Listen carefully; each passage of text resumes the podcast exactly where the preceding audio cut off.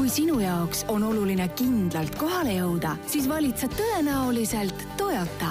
Elke hoolitseb selle eest, et sa oma Toyotast ainult rõõmu tunneksid Tallinnas, Rakveres, Kuressaares ja Narvas. Elke, sinu Toyota, meie kirg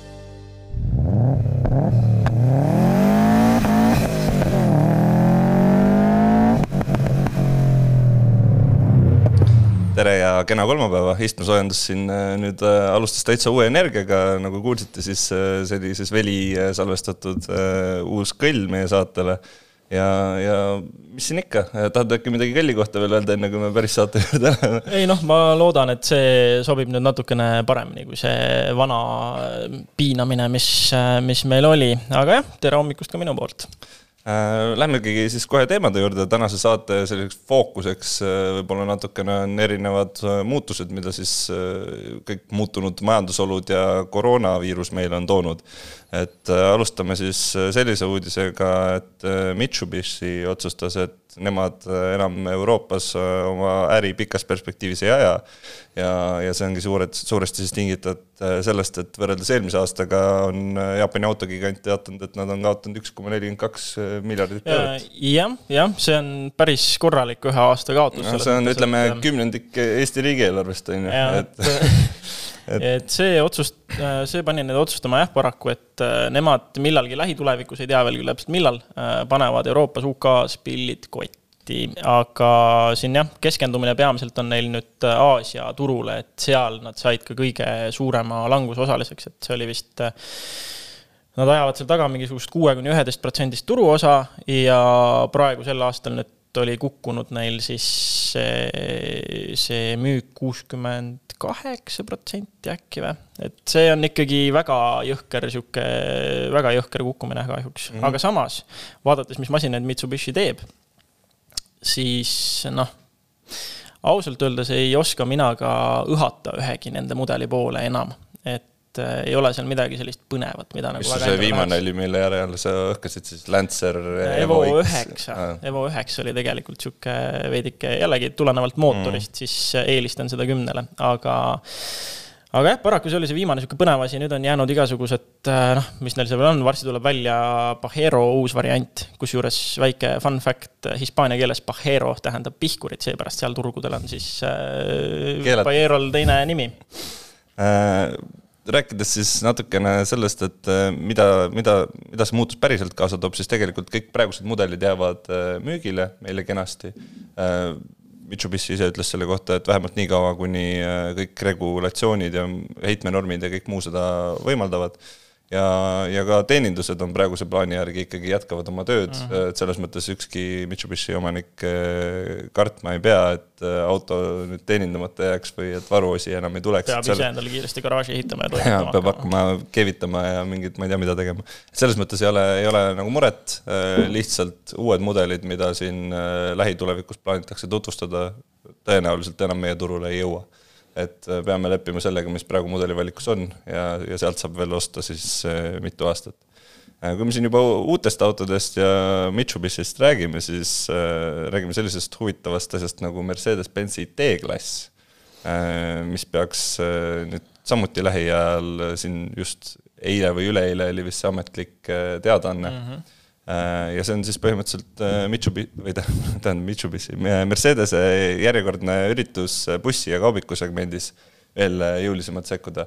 ja see Mitsubishi äh, mainimine seal ei olnud tegelikult ekslik, et tegelikult seda tehaksegi koos Mitsubishi ja Renault ja mõndade teiste. Renault Nissan, Renault Nissan Mitsubishi. et ühesõnaga huvitav trend selles mõttes, et äh, V-klass on juba pikka aega väga mm. armastatud äh, bussibränd nii-öelda, on ju.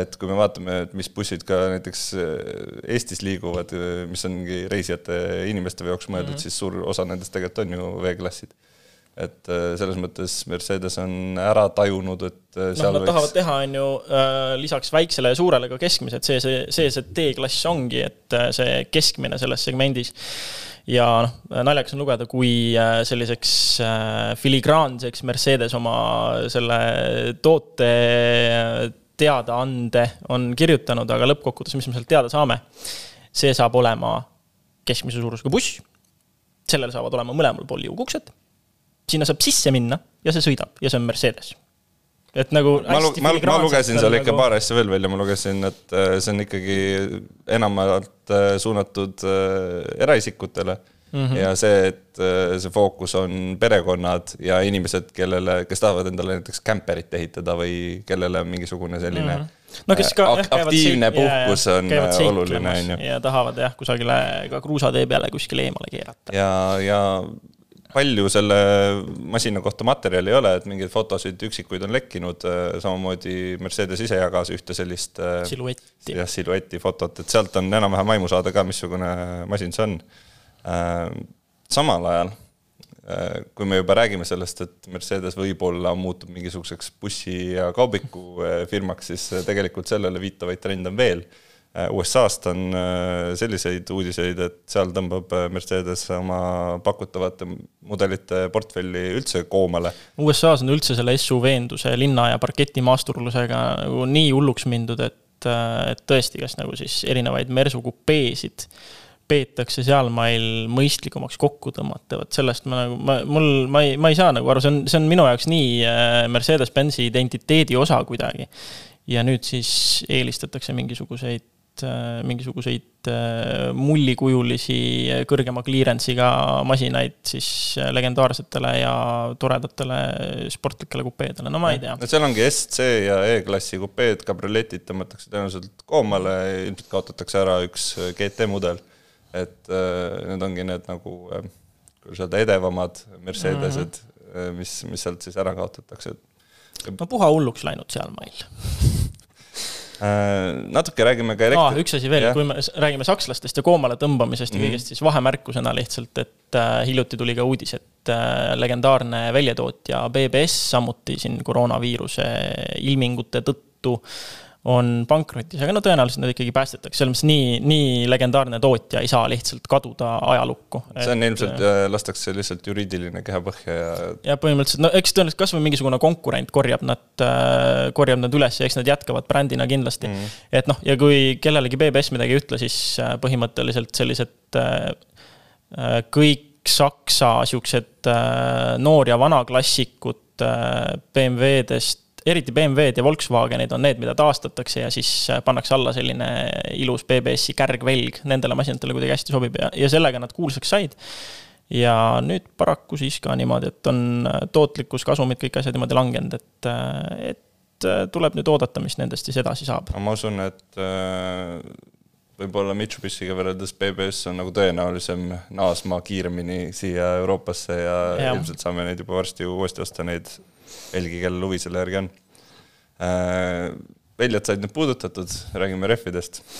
õige. Äh, elektriautode rehvid siis, äh, selline võib-olla natukene ignoreeritud teema paljude poolt, et kuigi meil on hästi tihti räägitud seda, et elektriauto hooldamine, elektriauto mm -hmm. ülalpidamine on hästi lihtne, mõistlik, loogiline, on ju, et sul neid üldhooldusi on vähem, sul mingeid õlivahetusi ja kõike seda ei ole, et elektriautoga ei tohiks nagu muret olla siis äh, tegelikkuses on selline asi nagu äh, rehvid on elektriautode jaoks, noh, ma ei taha öelda probleem, aga eripära, mida inimesed peaksid kindlasti jälgima, millest peaks teadlik olema.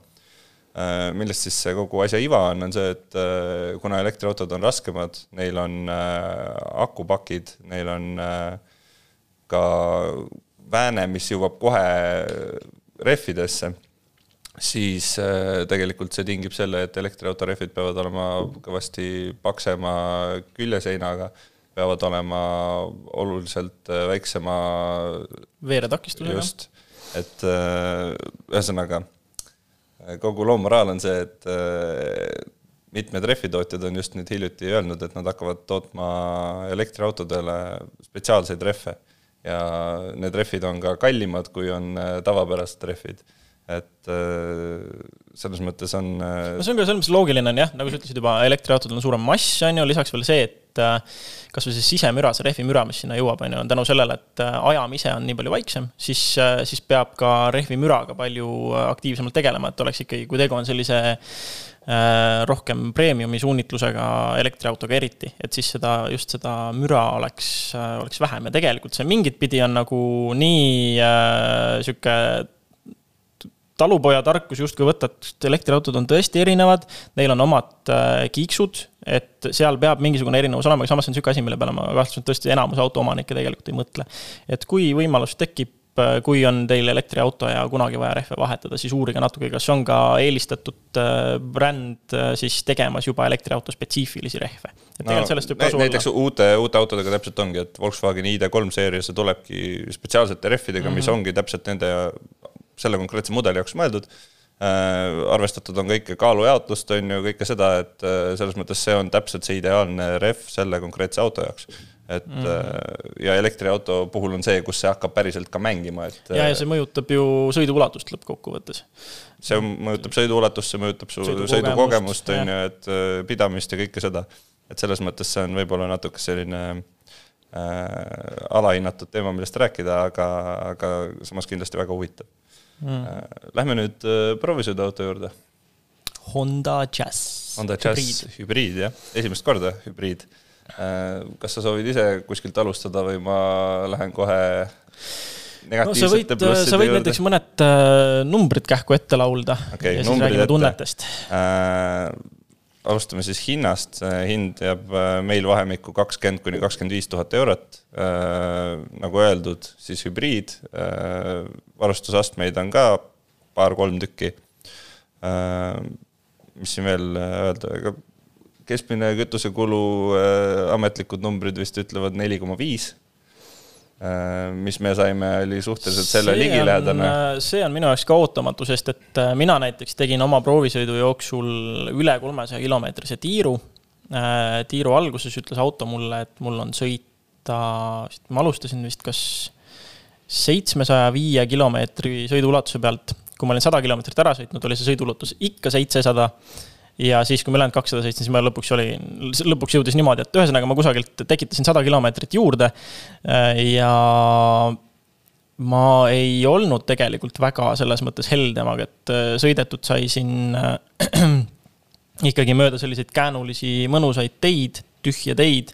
et kui oli võimalus, siis ma ikkagi üritasin natukene tiivustunumalt temaga sõita, mis on jälle täiesti võimalik, jälle tuleb siin tulla tagasi selle juurde, et, et et äh, moodsad esiveolised, et noh, sillatehnoloogia on nii kaugele arenenud, et ka sellisel äh, tüüpilisel Econoboksil on võimalus sõita lustlikult isegi, isegi sellisel Honda Jazzil, et ma ei tea, kuidas sa teda suutsid pigistada. mina aga..., mina selle viimase väitega ei ole nõus, et seda tunnet mul seal Honda Jazzis mm. ei tulnud, mis siin äh, paari autoga mm. hiljutiste testidega on, aga see ökonoomsuse, see mõistlikkuse mm -hmm. mõte see on kindlasti midagi, mis on nagu väga oluline. see on nagu teine hasart, mis selle autoga sõites tekib, et kui äh, säästlikult on võimalik sõita, et vahepeal, vahepeal ma jälle proovisin seda ja tal on eraldi äh, tal on eraldi käiguvalitsejal selline sõidurežiim, mis äh, rakendab seda kineetilise energia taastesüsteemi rohkem, ehk siis põhimõtteliselt jala gaasipedaalilt võtad, siis hakkab jõulisemalt pidurdama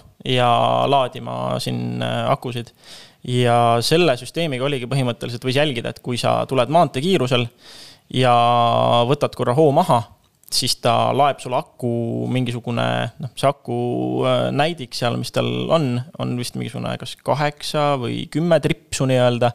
ja ta laeb selle ühe pidurdusega mingisugune neli-viis tripsu täis ja siis äh, uuesti üles kiirendades kasutab sealt jälle umbes sama palju ära et nagu summa summarum, noh, kindlasti, kindlasti seal tegelikult seda energiat nagu kaob kiirendamise peale rohkem, aga, aga summa summarum ja sihuke mulje, et sellega saab täiesti sõita niimoodi, et ta tõmbab seda kütusekulu just sellistel start-stop situatsioonides ikka korralikult alla. ja minu jah, minu keskmine selle kolmesaja kilomeetri peale oli neli koma kuus või neli koma seitse sajale igatahes. jah, et me kahe peale saimegi tegelikult keskmiseks neli koma kaheksa, kui tehasandmed ütlevad neli koma viis siis ma arvan, et teist sellist autot meil ei olegi kunagi vist ei ole väga nii täpselt kus... ei ole olnud, sest ma, ma tõesti ei, ma ei, ma ei hellitanud, ma ei hoidnud tagasi teda nagu kogu aeg, et äh, kui olid käänulised, siis ma, siis ma tõesti ei hellitanud. mul oli ka hulk kombineeritud sõitu, osa maanteel, osa linnas ja täiesti mm -hmm. adekvaatne kütusekulu selles mõttes väga mõistlik auto kindlasti äh, ülalpidamiskulude ja. poolt. kui nüüd võtta praktilisuse pool jälle juurde, siis ma ei tea, kuidas sul mulje jäi, minule täitsa avaldas muljet see, et äh, tagaistujatel on nii palju ruumi, sellepärast et jällegi nad on saanud tagaistmeid madalamale lasta. ja lisaks seal on veel see funktsioon, et need tagaistmed saab ju niimoodi kokku pakkida, et nad tõusevad sinna seina äärde kuidagi niimoodi taha üles mm, -hmm. et sa saad nagu põhimõtteliselt lameda põranda sinna taha. et jällegi sihuke funktsioon, mis on Jazzil vist pikemat aega olnud ja tore, et see ka jätkub. jah, kui me vaatame, millise kujuga see auto ka on, mhm. on ju, siis tegelikult sinna taha saab mahutada päris äh, palju asju, ma kujutan ette niimoodi ka, ma ei tea, kuskilt ehituspoest tulnuna või mida iganes. aianduspoest või mingeid istikuid, asju. sellega, sellega ei ole probleemi ka. Äh, millega mul on probleemi, äh, jõuame nüüd ka sinna lõpuks, on ilmselt kõige suurem probleem on disain et mm. see auto on jälle üks ja nendest autodest, kui kuskil kahe tuhandendate aastate alguses oleks üritatud disainida, milline võiks välja näha tulevik mm. -hmm. ja siis see on nagu see. selle auto jah, selle auto disainiga on see, et võiks kasutada terminit äh, õpitav maitse, et sa õpid seda, noh, sa, sa kas õpid seda meeldivaks pidama või mitte. et ähm, üks asi, mis näiteks, mida, mille osas ma ei suuda otsustada, kas mulle meeldib või mitte oli see, et äh, kui sa vaatad seda esiklaasi mm -hmm. joont, on ju, siis tegelikult on ju see, et need, need asjad, mis peaks nii-öelda, mis imiteerivad A-piilareid, on tegelikult mingid siuksed väiksed plastikliistud, mis ei kanna mitte midagi, see ei ole kandev struktuur. Need lihtsalt äh, on seal vist selleks, et see esiklaas paika fikseerida ja õige piilar tuleb siis pärast seda ja see, see väljavaade on väga hea ja lisaks on see, et armatuurlaud on tehtud hästi sihuke sile igatepidi, et seal ei ole mingeid mügarikke. et äh, kui sa sätid endal istet natukene kõrgemaks, sul on väga hea vaade sealt. et aga jah, kui sa väljast seda masinat vaatad, siis äh, no siis on natuke küsitav juba, on ju, et on ikkagi jällegi mullikujuline sihuke, üritab olla tulevik masin. no mul oli palju selle autoga seda, et küsiti, mis asi see nüüd on, et mm. äh, disainiga see kindlasti äh, südameid ei võida. et ütleme, siin ongi praktilise inimese valikud võib-olla äh, kui sa tahad autosse asjad ära mahutada, kui sa tahad mm -hmm. sõita hea kütusekuluga, siis sa pead lihtsalt leppima ka sellega, milline see auto välja näeb, kahjuks või õnneks. Äh, meelelahutussüsteemi kohta mul ka paar halba sõna öelda, et seal oli lihtsalt natukene keerukas oli see menüü, seal oli liiga palju mm. asju, kui sa seal navigeerisid, eriti just seesama, et kui sa sõidad ja sa üritad midagi vahetada, siis seal on terve virvarr ees ja siis sa ja, käid ja otsid sealt seda ühte asja, mida sul vaja on et äh, see võiks ka parem olla. Mm.. aga üldjoontes, noh. üldjoontes ikkagi just see, mulle meeldis see, see teist sorti hasart, mida see auto tekitab, et kas saab veel ökomalt kuidagi ja täiesti praktiline, täiesti elatav masin, kui sa ise suudad äh, leppida sellega, et see disain ei ole siin äh, heas mõttes. võib-olla, võib-olla mõni inimene, kellele see disain meeldib, sellisel juhul on ju põhimõtteliselt no, tegemist perfektse autoga. jah, sellega on see, et äh, näiteks võib-olla see on tõenäoliselt sihuke ebapopulaarne arvamus, aga noh, see klassikaline kõige, üheks kõige koledamatest autodest peetav Fiat Multipla on ju mm mulle jääb nii palju neid pilte ette, inimesed jälle panevad kusagile ja üritavad lõõpida. Ja see on, see teema on minu jaoks ennast juba ammendanud ja iga kord, kui ma Fiat Multipla pilti näen, ma enam, ma juba vaatan, et ta, ta jõuab sinna faasi, kus see disain on lihtsalt nii sihuke kiiksuga, et et äh, ma ei vaata seda enam kui mingit sorti. see hakkab sulle juba meeldima, jah? ei, ta ei hakka meeldima, vaid et ma ei vaata teda kui enam mingit sorti koledat autot, sest kõik ütlevad, see on kole auto. ma enam, ma ei taha sellega enam isegi nagu, no see on, see on nagu sihuke isiklik protest, et ma ei, ma ei, kõik, kõik, kes seda arvavad, on ju.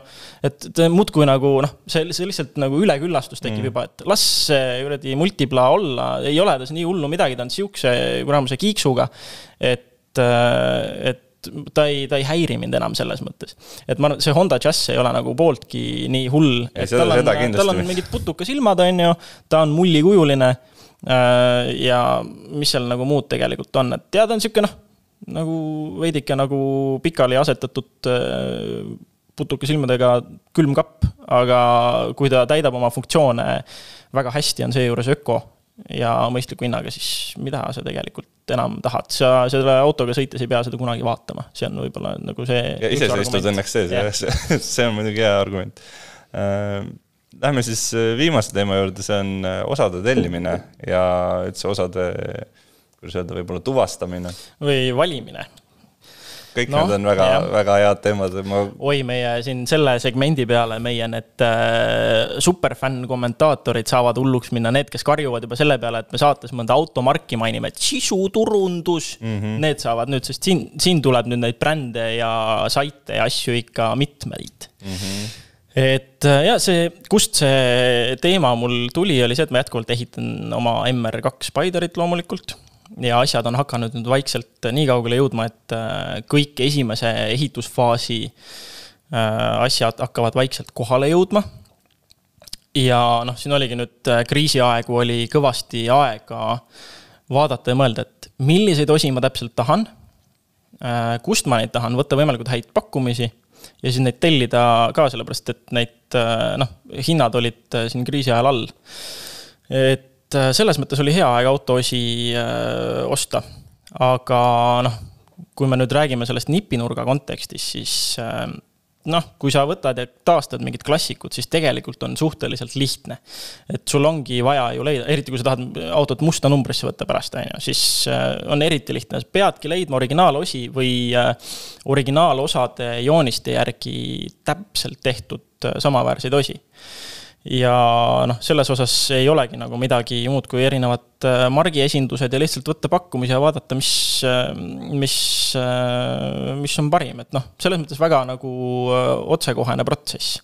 mu isiklik nipp on võib-olla selles vallas otsida hooldusmanuaal kõigepealt välja et mm -hmm. selleks ei ole tegelikult mitte midagi keerulist vaja teha see.... mingid tootenumbrid, kõik asjad on sul olemas. et osa, hooldusmanuaali saadki tavaliselt niimoodi välja otsida, sa paned oma auto mudeli, margi, äh, aasta, kirjutad juurde service manual mm -hmm. Google'isse sisse ja sealt nad tulevad, et seal on ka noh, seal on vaja muidugi mingisugust äh, tavapärast interneti taipu, et sa päris iga asja mm -hmm. peale seal klikkima ei lähe yeah., aga niimoodi on täitsa võimalik leida vähemalt paarile autole, nagu mina küll leidnud, mille kallal ma nokitsenud mm -hmm. olen. ja seal ongi, võtad osa numbri, noh, otsid selle konkreetse osa välja, mis sind yeah. huvitab otsid osanumbri ja siis selle osanumbri järgi on võimalik juba ise otsida yeah. erinevatest varuosa andmebaasidest. jah, täpselt B-varuosi ja isegi originaalosi müüvad ju mingid miljon erinevat kohta ikkagi lõppkokkuvõttes, et mina kunagi tellisin näiteks kui mul oli veel eelmine Subaru, siis äh, ja oli sidurivahetus äh, ees, siis plaan oli ikkagi panna ka sinna originaali, originaalsidur uuesti. ja esinduse pakkumine oli kolm korda kallim kui see, mis ma lõpuks sain Äh, Autodocsist mm., mis on üks nendest kohtadest, kuhu sa ka lööd varuosa numbri sisse või otsid mudelipõhiselt ja annab sulle erinevad variandid, mis sobiksid ja mis on originaaliväärilised mm ja neid, neid kohti on veel nii palju, mul ei tule kõik meeldegi no,. pane varuosad otsingusse põhimõtteliselt. tõenäoliselt on Eestis olemas ka varuosad.ee või autovaruosad.ee juba või midagi no, säärast. Alvaadi on selline mingi tavaline koht suht, aga noh, nende kohtadega, nende, nende kohtadega on äh, kõigiga see, et nende varuosade kvaliteet, mis seal on, on nagu väga kõikuv, et seal võib ja. olla mingisuguseid hästi odavaid Hiina osi, seal võib olla täiesti OE varuosi, on ju. Mhm. et äh, selles mõttes sa peadki teadma või sa pead vähemalt otsima selle konkreetse tootja kohta kohta, et mida ta teeb, missuguseid varusid ta teeb ja nii edasi. et äh, aga noh, äh, võimalusi saada täpselt seda, mida sa tahad, äh, täpselt vastavalt sellele hinnaklassile, sellele, mis sul mm -hmm. peas parajasti toimub. kui sul raha ei ole, siis jah, sa saad sealt leida ka mingeid asju, mis on võib-olla neli, viis, kuus korda odavamad, mis originaalvaruosad on mm, -hmm kui sa sellega oled valmis leppima, siis saab ka seda sealt. et seal tuleb jah arvesse võtta lihtsalt seda lihtsat matemaatikat, et äh, neli, viis, kuus korda odavam, siis ta peaks, noh, siis kui ta kestab äh, neli, viis, kuus korda vähem, siis tundub justkui, et noh, siis veel on asi seda väärt. aga arvestada tuleb, et siis see vahetamise töö tuleb äh, ka kõvasti tihemini teha, et et see lisab jällegi seda et.... no seal on veel mingid nüansid, et. no ühesõnaga seda, seda saab optimaalsust ja efektiivsust ja kui palju midagi maksab, seda saab välja arvutada igatepidi. lisa, lisan kiire soovituse, et kui ise nokitsed, siis selline asi ka lisaks äh, sellele manuaalile on olemas nagu Heinzi manuaal. väga paljude masinate kohta just äh, üks kuulus äh, mehaanik, kes võttis ja hakkaski lihtsalt autosid pulkadeks lahti võtma, uuesti kokku panema ja tegi erinevate mudelite kohta manuaale, et et otsida, kas on Heinzi manuaal olemas äh, ka sinu hobiauto kohta, kui sa, kui sa plaanid seda näppida ja ise ehitada. aga kui nüüd see, selle nii-öelda nipinurga teema juurde tagasi selles mõttes tulla, et ähm, kui, kui sul ei ole plaan taastada, kus ei ole nii lihtne, et otsi varuosa koodi järgi seda, mis originaalosa nii-öelda. siis äh, tuleb auto eesmärk arvesse võtta, minu MR2 puhul on äh, rajaauto, seega ma otsin äh, originaalist paremaid osi ja need äh, selle hulka kuuluvad siis näiteks äh, parem vedrustus, on ju, coilover'id, äh, kindlasti väga kerged väljad ja semislikid. et need olid need põhilised asjad, mis mulle veel jäänud, jäänud olid. ja otsisingi välja vastavalt auto eesmärgile, äh, mis asju on saadaval, mida soovitavad entusiastide foorumid, grupid ja valisin välja konkreetsed tooted ja hakkasin pakkumisi võtma järjest. ja üldjuhul on see jällegi väga otsekohene, et äh, oled toote välja valinud, äh, mine nende kodulehele, vaata, kes on nende ametlikud edasimüüjad, otsi mõni kõige lähem, sest sealt on saatmine kõige odavam ja kui edasimüüjat nii lihtsalt ei leia, mul näiteks ma valisin välja ühed Köönigi väljad, mis tegelikult on USA bränd üldsegi ja olidki kaalukausile lõpuks jäid enkeid ja köönigid, mis olid kõige kergemad ja parimad äh, massi ja hinna ja kvaliteedi suhtega. ja leidsin üldsegi äh, selle Messengeri tüüpi, äh, noh, hästi paljudel firmade kodulehtedel on nüüd Messengeri tüüpi sõnumivahetused, kus töötaja vastab sulle siis ja, ja hoopis sealtkaudu leidsin endale lähima edasimüüja ja see oli ettevõte, mida ma ei oleks saanud kuidagiviisi netiavarustes kolades leida, et Rootsi firma, kellel on ainult Facebooki leht. ja see firma juhuslikult on selline, kes tegeleb ka mingi time attack'i auto ehitamisega ja lihtsalt pooljuhuslikult alguses tellisid endale Koenigi mingisugused väljad. ja siis inimesed hakkasid märkama neid rajal, hakkasid küsima, mis see on. ja siis tüüp mõtles, et noh, ma siis hakkan neid tooma, sai Koenigiga kokkuleppele ja hakkaski tooma ja ongi siiamaani on neid Facebooki lehte, sa ei leia muud moodi seda kuidagi kui, kui, kui nii nagu mina näiteks. või siis sa pead seda lihtsalt teadma ja nüüd nende coiloveritega tegin natuke teistmoodi, et kuna meil on BC Racing on nii levinud coiloverite tootja, siis ma käisin lihtsalt läbi kõik need Eesti põhilised tuuningosade müümissaidid äh, stiilis. no coiloveritega ilmselt ei ole probleemi. ja neid tuuakse juba noh, neid, neid tuuakse nii-öelda no ikkagi suhteliselt tasuta või väga, noh, üldjuhul see on hinna sees, see toomine. et võtsin lihtsalt erinevaid veermikulahendusi pakkuvad ettevõtted stiilis äh, noh, Stance.ee, DBHP mis seal veel on, rallipood ähm,, aftermarket.ee, aga lõpuks mulle jäi ette lihtsalt täiesti suvaliselt äh, Google'i algoritm äh, tunneb mind vist piisavalt hästi, viskas ette ühe sarnase saidi reklaami, mida me, millest me ei olnud kunagi kuulnud, aga nemad tegid kõige parema pakkumise, sest äh, tuli välja, et neil on BC Racing uga väga pikalt kestnud koostöö ja see oli carshop.ee hoopiski. et et äh, sealt sain siis kõige parema pakkumise ja noh, ja niimoodi ongi lõpp, lõppkokkuvõttes sa, sul, see on tegelikult nii, äh, nii otsekohene protsess. vali vastavalt eesmärgile toode välja äh,, otsi lähimad kohad, kus seda saab, kui see on midagi rasket midagi suurt, mida on vaja kusagilt tuua ja võta lihtsalt pakkumisi ja siin võib mängida vabalt ka seda mängu, et võtad kusagilt pakkumise ja uuele kohale juba mainid, et kuulge, mul oli tegelikult siit selline pakkumine, et äkki saate veel alla teha või näiteks noh, mis iganes toomise, toomise teha nagu selle hinna sees või noh, mis iganes, natuke nende pakkumistega mängida ja niimoodi põrgatades saab natukene, natukene veel alla mängida. eriti siin praegusel koroona ajal, kus igaüks natukene lisaks müüa tahaks, on ju. jah, täpselt. vot, aga siis äh, see vihmane suvi on suurepärane aeg auto ehitamiseks, kui garaaž on vähegi olemas, siis äh, nüüd on näpunäited ka olemas, kui veel enne ei teadnud. Heinsi manuaal näppu ja, ja. ja auto kallal nokitsema. aitäh kuulamast, järgmine kord juba järgmisel kolmapäeval